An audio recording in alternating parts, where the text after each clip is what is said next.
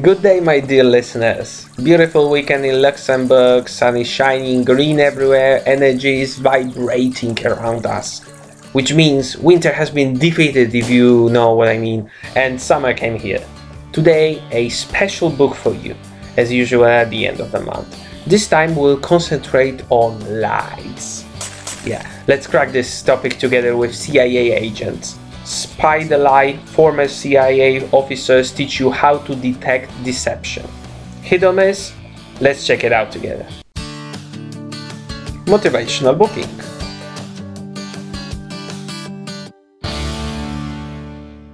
No matter where, in bed, on the terrace, in the bus, don't stop reading, folks. Don't read only motivational books. Take a rest from time to time and read also novels, poems, newspapers, articles, uh, anything that makes your brain clear.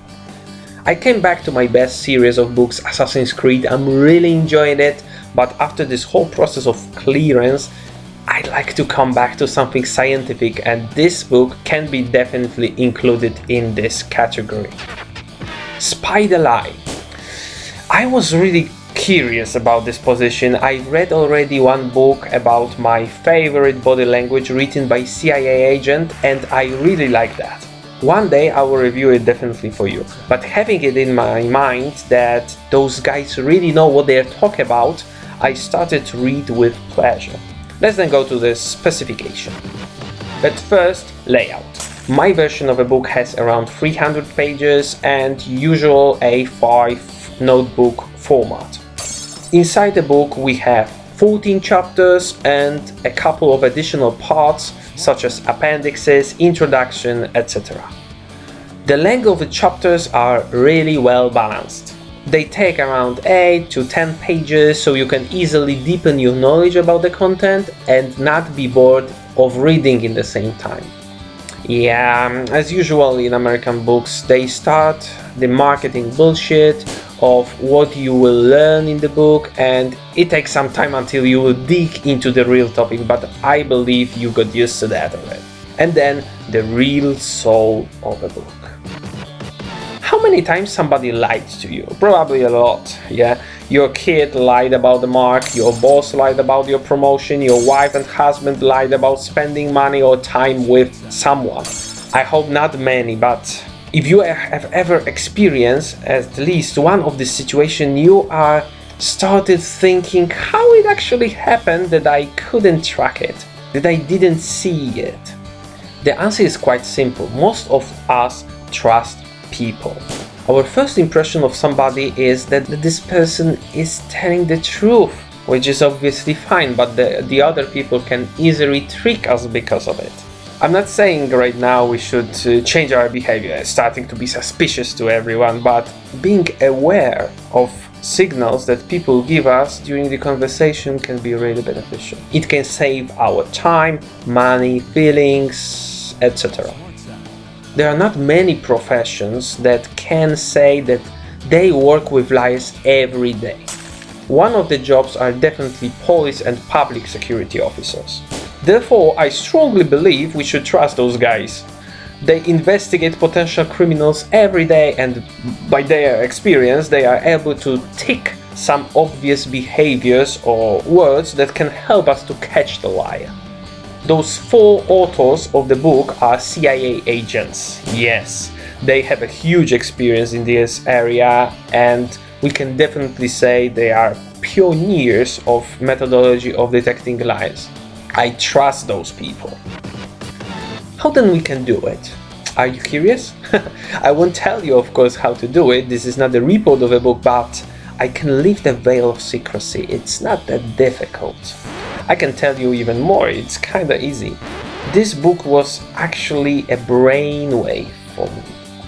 At the beginning, I was thinking, like, come on, 300 pages for this complicated topic, but then I actually realized that the whole content could be gathered on mm, not more than 15 pages. I'm honest, guys. Learn a couple of techniques, learn what kind of questions you have to ask, and you will become easily a master in this topic. Of course, you need some practice, but this is a really not difficult thing. You just need to talk with people. That's it. That's it. There you can try to sneak out the tricky key questions without even changing the style of talking. Try it, my people. Try the techniques in the real life situation. What is good actually also in this book is that this is not a dry knowledge. It has many examples in which you can see the techniques and how to find the keywords. That was actually the best part, in my opinion. The long interviews with people taken from TV and step by step process of showing the reader where is the lie, how it tried to be hidden, what questions should be said, etc. I really enjoy reading this part as it helped me to systematize the whole content. This is also worth to mention that the whole book it's mostly about analyzing words, right? It's a book. But as they constantly underline, you have to always look and listen. The two actions have to be always together. It's then easier not to be lost. There is one thing I was not really fond to read, but I believe it was crucial to write to build the trust to the writer. It was a short explanation uh, at the beginning of how authors started in CIA. Well, mm, they redeemed the guilt later on. In general, in scale 1 to 10, I would give 8 for the book, as a solid source of knowledge. Also for style of writing, which was extremely reader friendly.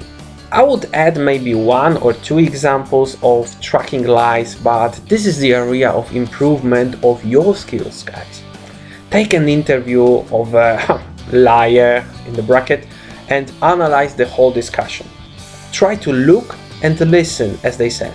Catch the keywords. Read the examples from the book one more time. You will be probably very surprised that it's that easy. Train Guys as a book is not only for reading but also for practicing. Once again, great position, worth to buy or borrow and read. Have fun while exploring it. Thank you for your time, my dear listeners. Long story short, I go out to breathe this clean air. Check out old episodes of great motivational books check out also my Google Drive with old episodes that had to temporarily disappear due to the time limit of the SoundCloud, but I'm sure they will come back one day. Likes and comments always welcomed, and hear you at the end of the journey. Bye.